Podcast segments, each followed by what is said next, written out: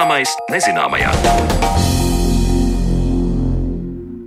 Esiet sveicināti raidījumā Zināmais nezināmajā. Ar jums kopā turpmāko stundu būšu es Sandra Kropa. Gada nogalē nu jau tradicionāli mēs atskatāmies uz svarīgākajiem atklājumiem un diskutablākajām tēmām dažādās zinātņu nozarēs. Šodien mēs pievērsīsimies psiholoģijai un kognitīvajām zinātnēm. Par to, ko jaunu nesis mums šis gads ar nozares pētniekiem runāsim raidījuma otrajā daļā, taču pirms tam stāsts par to, kā sociālā distancēšanās un pandēmijas realitāte ietekmējusi cilvēku atmiņu. Lai pozitīvi ietekmētu savu atmiņu, varam pierakstīt lietas, ko esam redzējuši un novērojuši pa dienu. Tā saka neiroloģija un Rīgas Tradiņu universitātes asociētā profesora Zanda Priede, runājot par šo gadu, kas pavadīts Covid-19 zīmē un ir ietekmējis arī cilvēku atmiņas procesu. Par to, kā ierastās rutīnas trūkums pasliktina atmiņu un kas ierobežojuma laikā var uzlabot domāšanu un atcerēšanos, par to vairāk Zanas Lācis veidotajā ierakstā. Ja kopš Covid pandēmijas sākuma jums sagādā grūtības atcerēties ikdienišķus sīkumus, piemēram, nopirkt veikalā pienu, nosūtīt ēpastu, atcerēties paziņas vārdu, tad nejūtieties vientuļš, jo tā notiek ar daudziem. Šādi ir rakstīts Britu raida organizācijas BBC interneta portālā par to, kā šis Covid pandēmijas laiks ir ietekmējis cilvēku atmiņu.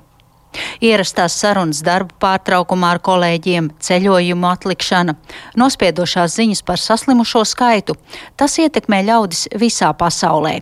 Un tāpēc uz attālināti ierakstītu sarunu par šo tēmatu aicināju neiroloģi un Rīgas Stradiņu universitātes asociēto profesori Zandu Priedi. Vaicāju viņas viedokli, kas tad ir tie faktori, kas ietekmē mūsu atmiņu. Es šo momentu vairāk saistu arī ar tādu faktoru, ka tomēr sliktāk tiek, nu, ne sliktāk vai varbūt netik vērīgi tiek ārstētas, teiksim, pieskatītas cilvēku blakus saslimšanas, pieaug dažādi citi riska faktori, kā bezmiegs, stress, depresija un arī alkohola lietošana. Šie visi momenti paralēli ietekmē arī mūsu atmiņas procesu.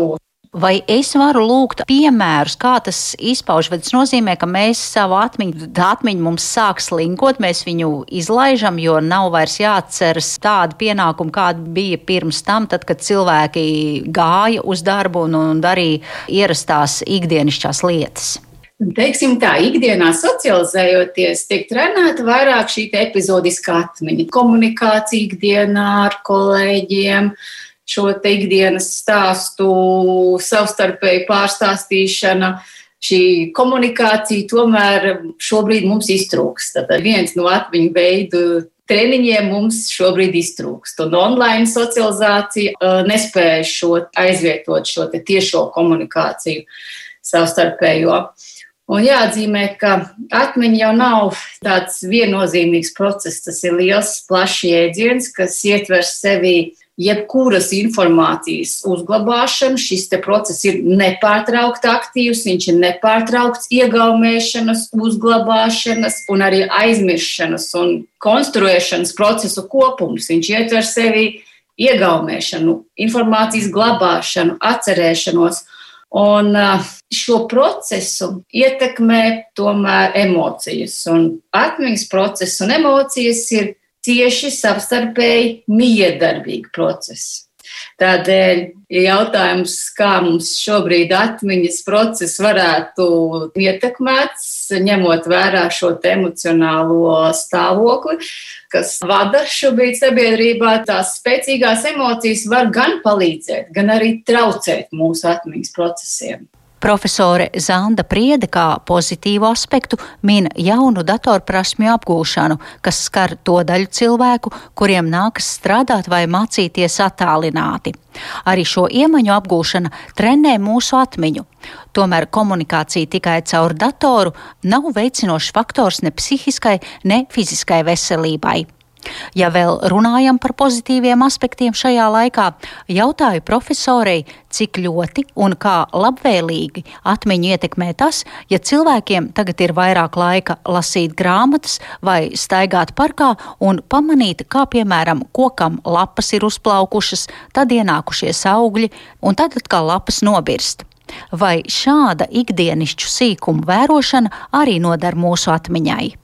Es domāju, šīs ikdienas mūsu novērojumi, ko mēs šobrīd mums ir, ir vairāk laika, jā, dabā paskatīties, kas notiek. Tomēr mums, lai mēs varētu kaut kādā veidā pozitīvi atmiņā ietekmēt, būtu ļoti vērtīgi tādas lietas pierakstīt, kaut vai dienas grāmatu veidā, šo procesu, ko tu esi novērojis, ko tu esi redzējis, pēc kāda brīža pārunāt online, jeb, nu, teiksim, nepieciešams tas, ko tu esi novērojis, kaut kādā veidā savā atmiņā atkal atsaukt, kaut kādā veidā pārunāt, izrunāt. Tad šī ir tas atmiņas veids, ko mēs varam trenēt. Ne tikai novērot to, piefiksēt uz brīdi un aizmirst uzreiz, bet arī mums ir ļoti svarīgi kaut kādā veidā šo novēroto likt, teiksim, darbībā.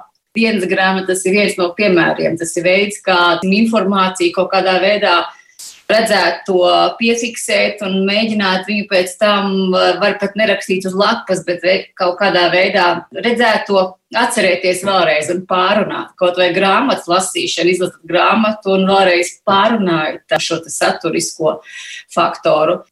Profesore Zanda Prieda teica, ka daudziem cilvēkiem kopš pandēmijas sākuma ir tā teikt ierūsējusi telpiskā orientācija, kas bija nepieciešama, ja agrāk cilvēki daudz ceļoja, un nonākot jaunā vietā un nepazīstamos apstākļos, mums bija jāspēj orientēties svešā vidē. Tad tagad mēs to varam trenēt, ejot kaut vai ikdienas pastaigā vai uz veikalu. Vienalga, kaut vai jaunus maršrutus uh, ikdienā, jo e, ejiet, mēģināt iet pa citu ielu, lai mēģinātu uh, attīstīt šo telpisku orientāciju no jauna sevi. Lai nav tā, ka katru dienu jums ir vienmēr, katra diena ir vienāda, vienāds režīms. Tā kā klavieru taustiņi, jums ir tikai baltie klavieru taustiņi, vairāk jums klavierēs nav melno taustiņu. Tad, tad mēģināt šo dienu Mētiecīgi plānot, darīt dažāda veida aktivitātes. Protams, kā ārsts saka, svaigs gaiss, kustības, aktīvās, brīvā dabā, viss tas ir ļoti, ļoti svarīgi atmiņai. Bet mēģināt dažādot tomēr to ikdienu. Tas ir tas, kad nomākums un depresija, nu tie, tie faktori tie pilnīgi tieši un galīgi ietekmē akmeņu. Tādēļ Mērķis ir, protams, laicīgi šīs depresijas pamanīt un griezties pie speciālistiem. Tas ir viens. Ko es eh, vēlos no sevis kārs pateikt, kad eh, cilvēkam pašam šo savu dienu stingri plānojot un sevi mm, ļoti vērīgi pieskatot un šo periodu vēl ļoti daudz labāk pārdzīvot. Bet ir arī pozitīvi gadījumi. Ir cilvēki tiešām, viņi turpina katru dienu savu rītu skrējienu, Viņi skrien pa mežu, viņi turpina šīs te ikdienas aktivitātes turēt tonusā, teiksim, šīs te fiziskās aktivitātes. Viņi tic, ka viss būs kārtībā, un, protams, tas ir atkarīgs no, no paša cilvēka. Fiziskās aktivitātes, cik ļoti tās ietekmē tieši atmiņas darbību, vai jūs varat pastāstīt jā, par tiem procesiem smadzeņu? Teiksim, šis jau ir ļoti jau sen pierādīts. Šīs aerobās slodzes ir absolūti viennozīmīgi pozitīvas galvas smadzenēm. Atmiņu procesa ātrums ir um, absolūti korelē ar, teiksim, ar ikdienas ar fizisko aktivitāti. Viennozīmīgi katru dienu šie desmit tūkstoši soļi būtu ļoti, ļoti vēlams katram cilvēkam mērot un sev piespiest staigāt vairāk. Zanda spriedzes teiktajam vēl varu piemetināt citātu no ieraksta sākumā pieminētā BBC raksta. Tiklīdz mēs izejam no mājām, pat parastā pastaigā pa parku, mūsu smadzenes sāk pastiprināti darboties un pievērst uzmanību tam, ko redz sev apkārt neļaut sevi pakļaut tam visam kopīgam nospiedošam ziņu vairākumam. Tomēr cilvēkam ir sava dzīve, kas viņam paralēli, nu jā, ir pašam, viņš ir pats atbildīgs un koordinators. Es domāju, ka tas ir būtiskākais. Par to, kā šis gads ir ietekmējis cilvēku atmiņu, stāstīja neiroloģija un Rīgas Tradiņu universitātes asociētā profesora Zanda Prieda, un ar viņu sazinājās mana kolēģe Zane Lāce. Bet par to, ar ko šis gads ir bijis nozīmīgs psiholoģijā un kognitīvajā zinātnēs, mēs runāsim raidījuma turpinājumā.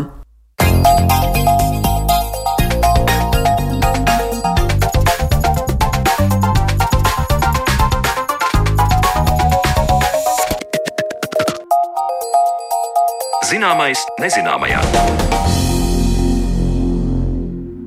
Raidījuma turpinājumā solītā saruna par 2020. gada svarīgākajiem notikumiem psiholoģijā un kognitīvajā zinātnēs. Vai ir bijis vēl kas aktuāls bez Covid-19, kas nešaubīgi bija arī šo nozaru pētnieku redzeslokā?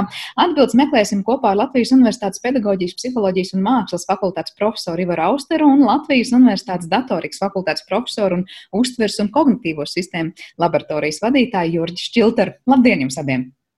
Labdien! Mm.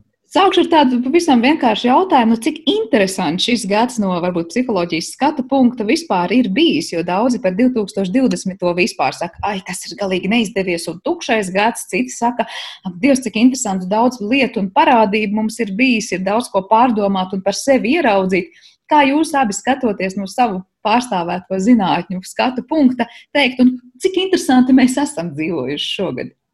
Jā, nu, droši vien jāsaka tā, ka par spīti visām Covid ķibelēm un, un, un to, ka mūsu dzīve ir diezgan radikāli mainījusies, tomēr arī tie pētījumi par sociālo un fizisko distancēšanos un visiem tiem digitālā noguruma efektiem, viņi jau patiesībā sakot, ir ļoti uh, interesanti un, un arī tāds būtisks pienesums, uh, nu, vismaz domājot par kognitīvām zinātnēm kopumā. Uh, bet ir, um, ir ārkārtīgi daudz interesantas lietas, kas šogad ir, ir notikušas arī ārpus tā, tā visa stāsta par um, uh, Covid un, un, un visu to saistīto. Tā kā, uh, es domāju, ka um, nu, gan jau, ka um, mēs uh, šīs pusstundas laikā vēl šo un to um, pārnāsim. Bet tas, ko es gribu teikt, ka tas, eh, tā, tā situācija par eh, Covid un arī, arī eh, par tiem cilvēkiem, kuri apzināti nevēlas ievērot um, Covid specifiskos nu, tos, um, izturēšanās nosacījumus, kādi mums šobrīd ir nepieciešami. Arī ir nu, saziņā revolucionējis, piemēram, pētniecība par sazvērestības teorijām un pēdējo pāris mēnešu laikā ir, ir ļoti būtiski pētījumi šajā nu, sociālās psiholoģijas, daļai kognitīvo zinātņu jomā. Kopumā es, es teiktu, ka šis ir ļoti ražīgs gads, un ražīgs gads gan Covid saistītajā pētniecībā, šī vārda plašākā griezumā, gan arī, gan arī tādās kognitīvo zinātņu, nu, tādos fundamentālos jautājumos, nu, kad mēs nedaudz vēlāk varam detalizētāk pievērsties. Piemēram, ir kaut, kaut, kaut kāds varbūt, no savas perspektīvas tāds būtiskāks piebildums. Um, jā, nu es, es, es lielos vilcienos uh, piekrīstu tam, ko Jurģis saka. Jā. Protams, uh, un, un uh, jā, man šķiet, ka tie, tie, tie, tie Covid pētījumi kā jau Jūris precīzi teica, viens, viens, viens, viens aspekts, eh, kas tagad parādījās, ko droši vien um, maz iepriekš varēja prognozēt, mēs tagad varam sazvērstības teorijas ritīgi, ritīgi pētīt. Tas, tas pilnīgi noteikti ir svarīgi, un, un pirmie pētījumi jau parādās, pirmās publikācijas. Vispār jau ļoti daudz tagad parādās, ja mēs ierakstām jebkādā datubāzē Covid-19 vai ne, un pierakstam kādu vārdu klāt. Nu, grūti izdomāt, kādu nevarētu pierakstīt, mēs dabūsim uh, rakstus, kur jau ir publicēti, jā, bet uh, īstenībā jau to, to lielo vērtību mēs uzzināsim pēc, pēc, pēc kāda uh, neilga laika, jo, nu, vai ilgāka laika var gadīties, jo uh, daudzas, daudzas publikācijas jau faktiski ir par kaut ko, ko mēs jau senāk zinājām. Nu, vienkārši tagad re, nu, tā, tā, tā, tā ir situācija, tas ir konteksts, ka kaut kas tāds arī parādās. Bet ir jau arī tādi kontraintuitīvi pētījumi šai ziņā. Nu, teiksim, man šķiet ļoti interesanti, nu, šī vārda varbūt nepārāk pozitīvā nozīmē, tie pētījumi, kur saista gatavību Uh, rīkoties, uzvedību, um, tādā gan savas veselības saglabāšanas nozīmē, gan uh, būt gatavam altruistiski rīkoties citu labā. Ja, un, Un, teiksim, tas, ko mēs parasti iedomātos, ka uh, droši vien ka vecāki cilvēki uztver to situāciju nopietnāk, un viņi ir gatavi vairāk darīt visu, kas viņiem varētu palīdzēt tikt galā, nu, nesaslimt, izsargāties. Uh, īstenībā tas, kas parādās vairākos pētījumos, ko es pārstāvu redzējis, ka vecāki ļaudis diezgan bezrūpīgi izturās. Jā, jo tas, kas ziņās izskan, vai ne tur, tur ballīte, vai ne tur. Uh, draugi un tam līdzīgi, vai ne, ka jaunieši, bet uh, tā attieksme ir uh, pareizāka, kā jaunieši to pat labāk saprot. Ja? Nu tā, tur tā, tā, tādas paradoxālas lietas parādās, uh, jā, bet es tā tur uz rādījumu paskatījos, nu tā, lai būtu arī, nu, lielāka, lielāka skaidrība, kas tad īsti ir publicēts, teiksim, pēdējā gada laikā. Uh, nu, sociālās psiholoģijas vadošajos žurnālos. Nu, tēmu ziņā es neteikšu, ka tagad būtu kaut kas radikāli jauns. Nu, protams, ka tie šī gada pētījumi jau netiks tajos vadošajos žurnālos uzreiz publicēti, vai ne? Tas, kas ātri notiek, tie ir varbūt nu, tādi elastīgākie, ja, tie, tie ietekmīgākie žurnāli jau ir salīdzinoši lēni un, un tādi neveikli. Ja. Uh, tad, tad, tad eh, nu, tēmu ziņā, eh, protams, ka turpinās gan, gan sociāli nozīmīgās tēmas, kas, kas attiecās uz, uz cilvēku savstarpējiem aizspriedumiem, gatavību kaut kādos apstākļos altruistiski uzvesties, piemēram, jā, tās tādas, es domāju, vispār pēdējās, pēdējos desmit gadus ļoti nozīmīgas tēmas, kas ir turpinās un kas ir interesanti. Atkal ir diezgan daudz pētījumu. Nu, viņi visu laiku ir bijuši, bet man šķiet, ka šogad bija salīdzinoši daudz nu, par to cilvēku nu, kognitīvā nozīmē. Aplamo priekšstatu veidošanos par citiem. Nu, teiksim, kā es uztveru pasauli un kā citi uztver pasauli. Ja? Nu, pat tādu naivo realismu plašā nozīmē, ja? ka es tagad redzu citu cilvēku uzvedību, un es domāju, ka viņš uh, rīkojas tā, kā viņš rīkojas, vai domā, kā viņš vai viņa uh, domā, tāpēc, ka viņš ir tāds. Ja? Nu, tad tur sākas vai ne kaut kāda secinājuma virkne, kas uh, īsti neatbilst realitātei. Nu, tā, tas tā kā no, no, no, no pētījuma viedokļa. Bet, tad, protams, ir arī, arī tas lietušais aspekts. Vai tu saredzi to, ka šogad īpaši pieauga tas, kā mēs varbūt par maz līdz šim novērtējam psiholoģijas zināšanu vispār lomu un nozīmi tajā, kā risināt dažādas problēmas vai, vai parādības, kā skaidrot.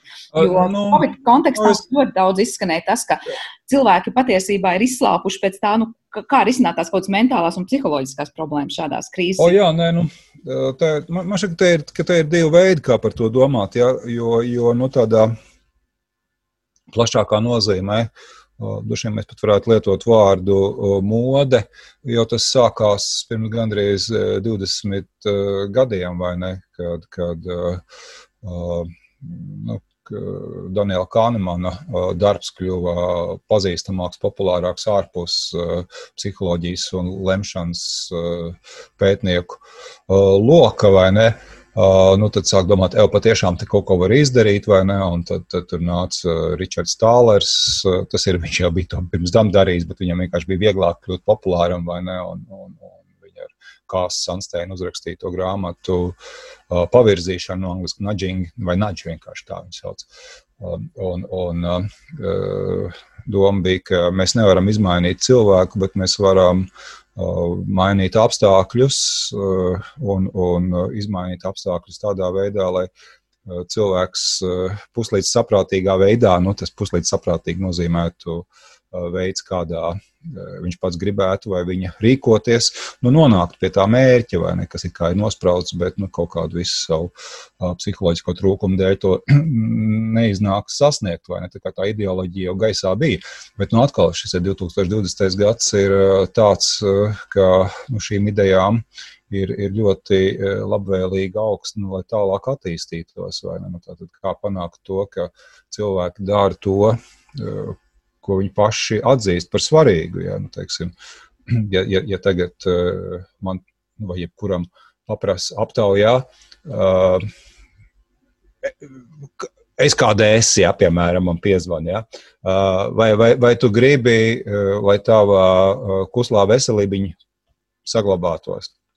Nu, es teiktu, ka jā, nu, protams, ka es gribu, vai ne, bet pēc tam es, es varu darīt visādas muļķības, kas ir pretrunā ar šo manu apgalvojumu. Jā, nu, tur ir tāda um, nedaudz, nedaudz, nedaudz paradoxāli visādi nu, rīcības modeļi, vai ne? Ka es neesmu konsekvents. Nu, tādi mēs visi esam, vai ne? Bet patiesībā jau, jau pēdējos pārdesmit gados, un šogad īpaši, cenšas saprast, kādā veidā panākt to, ka cilvēks ir konsekvents, ja, ka kaut kāda īstermiņa ieguvumi netiek izmainīti sīknaudā, ka netiek zaudēti nu, tie ilgtermiņa mērķi, nu, tie svarīgie, vai ne? Saglabāt labu veselību, palīdzēt citiem saglabāt labu veselību. Nu, tas, ko individuālismu sabiedrībās reizēm labprāt mēs aizmirstam, vai ne? Ka, uh, egocentriska domāšana var nenest uh, individam uh, tos mērķus, uh, ko viņš gribētu sasniegt, ka dažreiz ir jāatsaks, jāatsakās varbūt no savām individuālajām priekšrocībām, ērtībām, primāri domājot par citiem, un tu arī varēsi ilgtermiņā vairāk iegūt. Nu, tā, un, un, nu, tagad, protams, pētnieki ir daudz par to domājuši, kā to, kā to realizēt dzīvē, un es domāju, ka ir daudzi ļoti labi risinājumi tādās starpdisciplinārās komandās, vai ne? Jo nu, to konceptuālo rāmi jau mēs varam dabūt no, no uzvedības pētniekiem.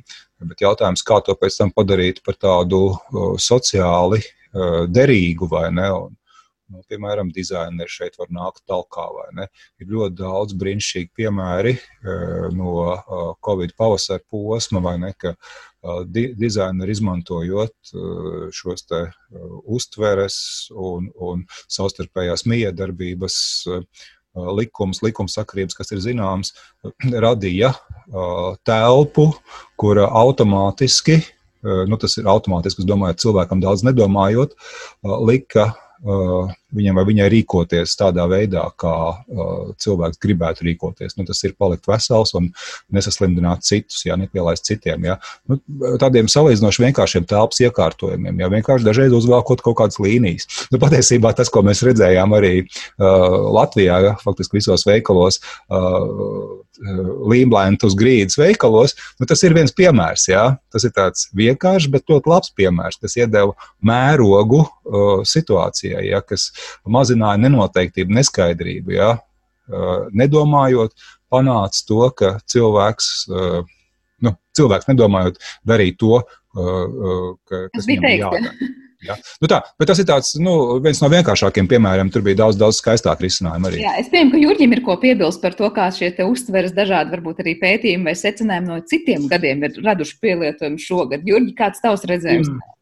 Jā, es domāju, ka varbūt viena lieta saistībā ar to arī, ko Ivars teica, man liekas, ka kontekstā ar Covid pētniecību izgaismojās vēl tas, ko mēs saucam par sociālās uzvedības lipīguma efektu.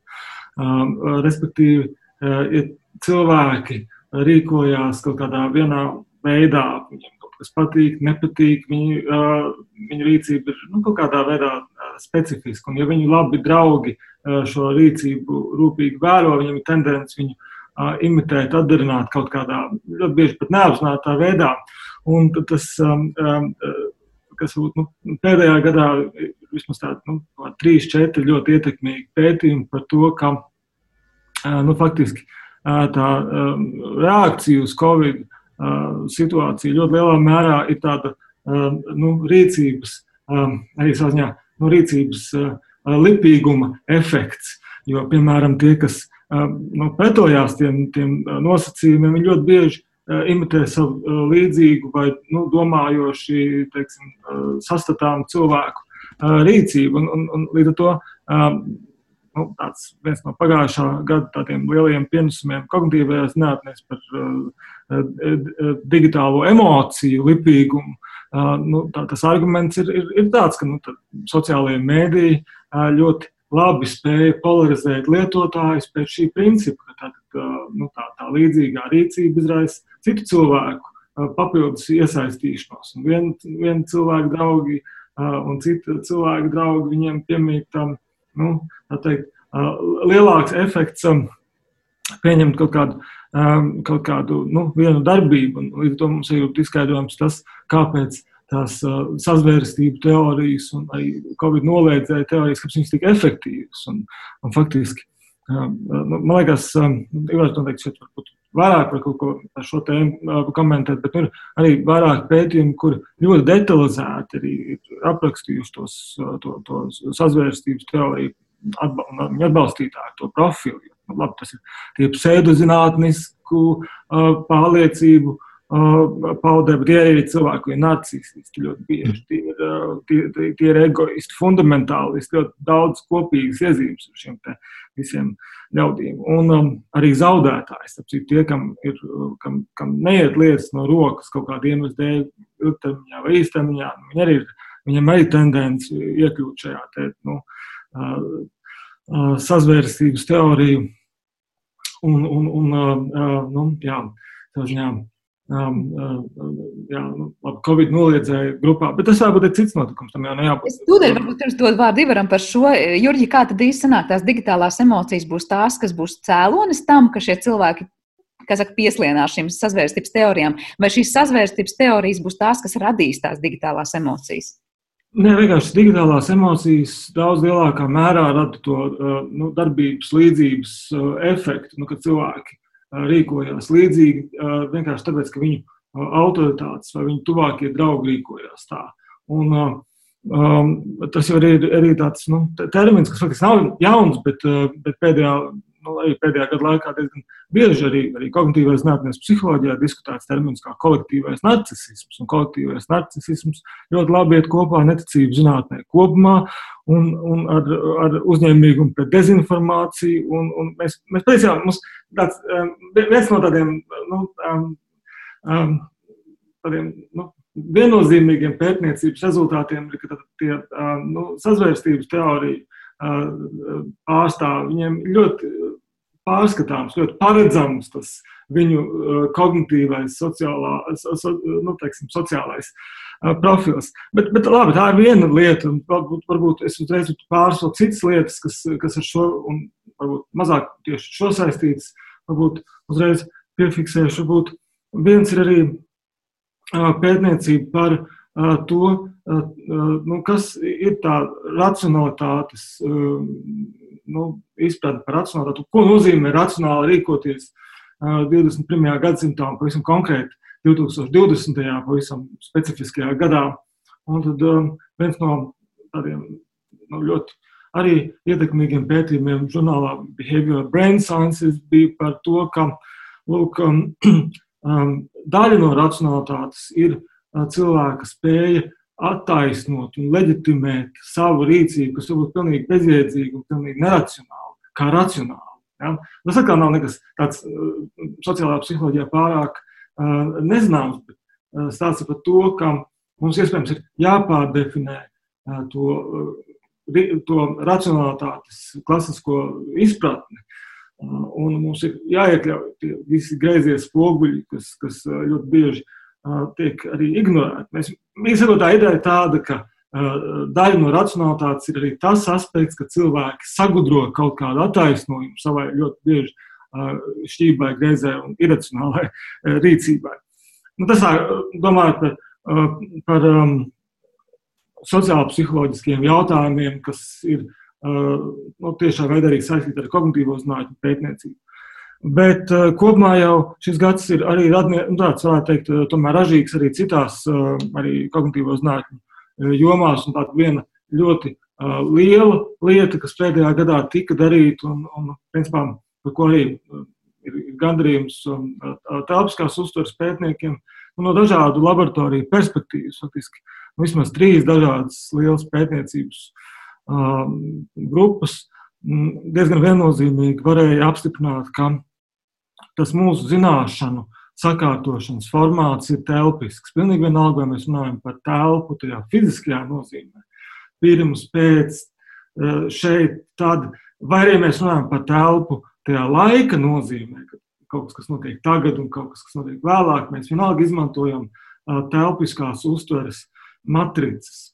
Un vēl vairāk, tad, kad mēs runājam par abstraktām zināšanām, teiksim, nezinu, kriminalitātes pieaugumu vai kaut kādas nezinu, sociālas likumsakarības vai vienkārši visam abstraktas matemātiskas likumsakarības. Ja tajā gadījumā mēs izmantojam kaut kādas ļoti noturīgas telpiskās uztveres matricas. Un, um, tas ir tāds mazliet izrāviens tomēr pētniecībā, jo um, šobrīd um, gan neirozinātņu, gan, um, gan arī kognitīvās psiholoģijas, gan arī vēl uh, citu nozaru pētnieki nu, šajā jautājumā ir varbūt sasnieguši tādu vienprātību, kāda iepriekš nav bijusi. Un tad vēl tāda interesanta lieta saistībā ar šo ir um, atklājums, ka tā saucamais telpiskais intelekts un telpiskās prasmes, kas mums katram attīstās nu, mūsu pirmajos dzīves gados, ka viņas iespējams ir, iespējams ir noteicošākas nekā tā saucamais vispārējais vai ģenerālais intelekts. Un um, iespējams, ka šīs telpiskās prasmes ir arī, um, nu, varētu teikt, universālākas un būtiskākas nekā tās mūsu konkrētās zināšanas, kuras mēs dzīves laikā sakārtojam. Būtībā nu, par ko ir runa? Runa par to, ka tās mūsu vizuāli telpiskās prasmes, viņas ir tāda, tāda matrica, kurā mēs dzīves laikā lejam iekšā gan zināšanas par telpu, gan par laiku, gan arī par abstraktām attiecībām, par sociālām attiecībām. Nu, teiksim tā, šie pētījumi par telpas uztveru man un arī daudzus kolēģus, kas nodarbojas ar telpas izpēti, bet arī citās nozarēs, faktiski ir nu, tā mazliet gandarījuši, jo nu, nav jau nemaz tik bieži, kad ir kaut kāds jautājums, kurā nu, pētnieku domas diezgan vienprātīgi kaut kādos aspektos sakrīt. Bet šis gads bija interesants ar to, ka tā telpa varbūt bija diezgan daudz izteikti digitāla telpa daudziem. Es domāju, nu, mēs pārvācāmies vairāk dzīvot digitālajā telpā šogad. Vai tas maina? Tas tiesa, jā, bet nu, šie pētījumi, protams, viņiem ir vairāku gadu darba rezultāts. Tas vienkārši tā ir kaut kā sagadījies, tāda sakritība, ka tieši šogad viņš, šie šo pētījumu rezultāti ir publicēti. Tas, es domāju, ka tā, tā ir tāda nu, drīzāk nejaušība. Bet, bet kopumā ir vēl virkni arī tādu, nu, manuprāt, būtisku atklājumu arī par to, nu, cik lielā mērā uztveres process ietekmē tie procesi, kur, tieši tādā uztverē nav saistīta. Nu, piemēram, mūsu valodas zināšana, mūsu zināšanas par lietām mums visapkārt. Tas, tas ir tas, ko mēs klasiski sauktu par uh, pasaules zināšanām, vai arī par, par kognitīviem uh, mūsu resursiem kaut kādiem. Um, bet uh, nu, šogad ir diezgan labi arī pētījuma rezultāti, kas, kas liecina, ka tās mūsu zināšanas ietekmē to, kā mēs milisekundžu laikā um, uztveram uh, kaut kādas pilnīgi vienkāršas geometriskas lietas. Pavisam nesen, pirms pāris nedēļām, tika publicēts ļoti apjomīgs pētījums par uh, valodas ietekmi uz vizuālo uztveri. Un, um, nu, ja, ja domā, nu, kas būs tie jautājumi, ko visticamāk arī nākošajos gados nu, turpinās diskutēt, un, un, un, bet izējot no tādas nu, skaidrākas bildes, nu, tas būs jautājums par to, ka valoda ietekmē uztveres procesu, zināšanas ietekmē uztveres procesu, bet jā, kā konkrētāk un kas ir tās, tās, tās konkrētās, tie konkrētie aspekti. Nu, protams, vēl runājot arī par, par, par telpisko uztveri, protams, un arī par citām maņām, interesanti pētījumi ir par taustas ietekmi. Uh, sociālās un, un, un fiziskās distancēšanās laikā. Jo, principā, nu, pieskāriena un taustas sociālā jēga jau ir ļoti maz pētīta. Izrādās, ka uh, tausta ir kritiska uh, komponente uh, cilvēka nu, teikt, psiholoģiskā līdzsvara saglabāšanā. Tas ir, mēs zinām, ka tā, sociālā distancēšanās rada depresijas efekts un arī to, to tā saucamo digitālo nogurumu, kas, protams, arī saistīts ar vizuālo nogurumu. Tas jau ir jāsaprot. Jā, tas ir interesanti runājot par to, ko minēja par to distancēšanās ietekmi un, un, un tausti un, un depresiju. Ir statistika šogad, vismaz Austrālijas pētnieki bija teikuši, ļoti, ļoti pieaudzis um, patversmēs paņemto dzīvnieku skaits vai iegādāto dzīvnieku, mājdzīvnieku skaits, ka proti cilvēkiem arvien vairāk pietrūkst tā savstarpējā kontakta, vismaz, kā saka, par kādu rūpēties un justies vajadzīgam mājās. Šī vajadzība esot ļoti, ļoti pieaugusi tieši šogad. Ivar, mums pamazām ir jānoslēdz šī saruna es saprotu, ka ir daudz jautājumu, kas ir uzkrājušies no tā, ko arī Jurģis teica. Varbūt ir kāds rezumējums, plus es vēlos pajautāt, labi, mēs sapratām, ka tur šogad izteikti pieauga, kurās grupās varbūt tā piesliešanās sazvērstības teorijām vai daudz kā cita. Vai mums ir no tā, kas ir izpētīts līdz šim, nu, skaidra kaut kāda recepte, ko tad darīt, lai tāda nu, sazvērstības teorija uz plaukšanu, uz zelšanu nenotiktu tik vienkārši? Oh, nu man šķiet, ka Jurijs jau precīzi pateica tās, tās pamatmotivācijas, kādas var būt? Kā, tā, tā var būt cilvēka vienkārši personība, ar kuru ir ļoti grūti cīnīties. Bet, ja mēs pieņemam, ka personība nemainīsies arī nākamgad un aiznākamgad, nu, nu, personību mēs diemžēl neizmainīsim, jā, un, un kā mēs varam novērot arī Latvijas sociālo tīklu sfērā, izglītība nebūs tas, kas mazinās. Jā. Mēs varam ļoti viegli atrast diezgan daudzus visnotaļ labi izglītotus cilvēkus, kuri nu, tādas blēņas gvelž, ja, un, ka varētu, varētu rakstīt kaut kādu tur uh, almanahu vai ne par uh, sazvērstības teorijām, vai ne, un pierakstīt, kurš to ir teicis, vai ne, un uh, labi izglītoto ļaužu sazvērstības teorijas, kaut kā tam līdzīgi. Jā, tā kā šis aspekts diez vai būs tas, kur varēs izmainīt, bet ir, bet ir otrs, droši vien produktīvāks, ka, ja man būtu jāliek kaut kāda likme un kam es, kam, kam es ticētu, tā otra daļa, vai ne, kas ir, kas ir vairāk sociāla, nu, ka cilvēki paši kaut kādu iemeslu dēļ, kā jau Jurģis minēja, tur dažādi identitātes aspekti, nu, pozitīvā nozīmē, kā es varu rīkoties kā labs grupas loceklis pārstāvis un, un no ar savu rīcību panākt to, ka mēs visi kaut kā labāk dzīvojam. Un tas ir tas, tas, ko var darīt, var mainīt kontekstu. Jā, var, var uh, radīt situāciju, kurā cilvēks vēlas būt vienkārši labāks. Nu, viņam, ir jā, viņam ir vieglāk būt labākam, jā, jo nu, izvēle ir ar, ar, ar, ar, ar ko tu kopā gribi būt. Jā. Šādi skatot, un, un, un skaidrs, ka tas 2020. gads bija ļoti neveiksmīgs no tā viedokļa, ka uh, reti kurā gadā ir tik uh, daudz uh, piemēri, kuri var kalpot par pamatu sazvērstības teorijām, nu, sākot ar visām vīrusu padarīšanām, masku nesāšanu, vakcīnām, vai ne, un visbeidzot ar Trumpa vēlēšanām. Ne, un, un Kas, Jā, kas, vēl kas... tikko piesauca vakcīnas, man liekas, tas nozīmē, ka nākamais gads būs nemazāk interesants. Nākamais būs, būs, būs nemazāk, jā. Bet, bet nu jā, tas, tas, ko var darīt, un, un, un tas, ko arī, arī, arī mēģina darīt, un brīžiem jau visai pozitīvi strādāt ar, ar šiem identitātes jautājumiem ļoti plašā nozīmē. Jā.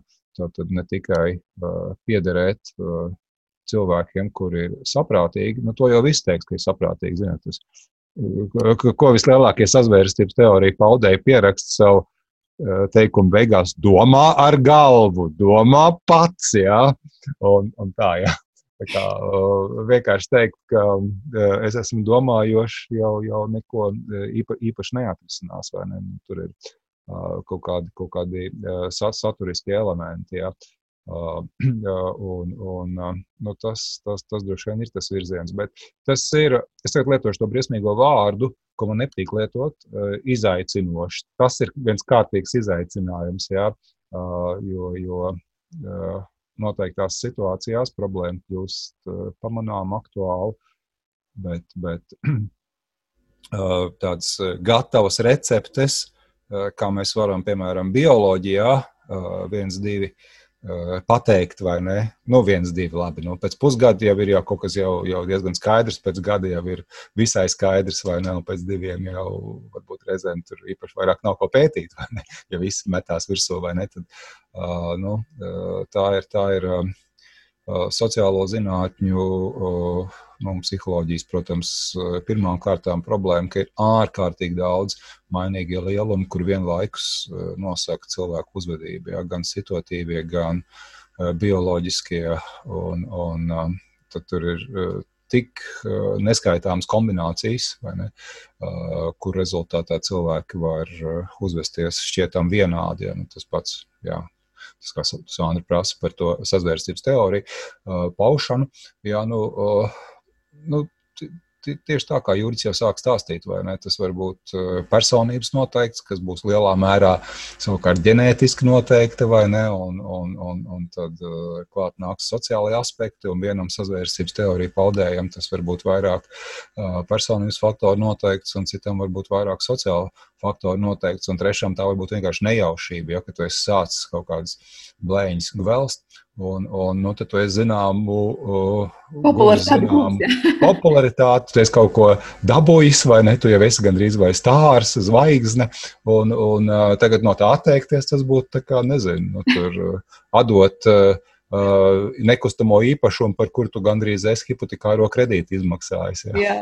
Nu, ko tiešām tas vien parāda, cik nu, cēloņa sekas, un šeit iet roku rokās. No vienas puses mēs ieraugam cēloņus, varbūt tieši tā personība un, un narcisms, un kas tik vēl nebija, ko Jurgis jau minēja. Tajā pašā laikā tās sociālās atkal izpausmes un sekas, kas varbūt tieši liek mums kļūt tādiem, varbūt vairāk narcistiskiem vai kā citādi. Nu, Pētāmā, protams, ir daudz, un skatīsimies, ko mums nesīs nākamais gads šajās jomās. Bet skaidrs ir viens, mēs nekur nevaram daudz kustēties no problēmu, problēmām, prom, ja mums nemainām to sabiedrības un, un, un cilvēku uzvedību. Savukārt tā uzvedība ir tik ļoti samudžināta un neizzināta līdz galam, ka tur tiešām pētāmā vēl netrūkst.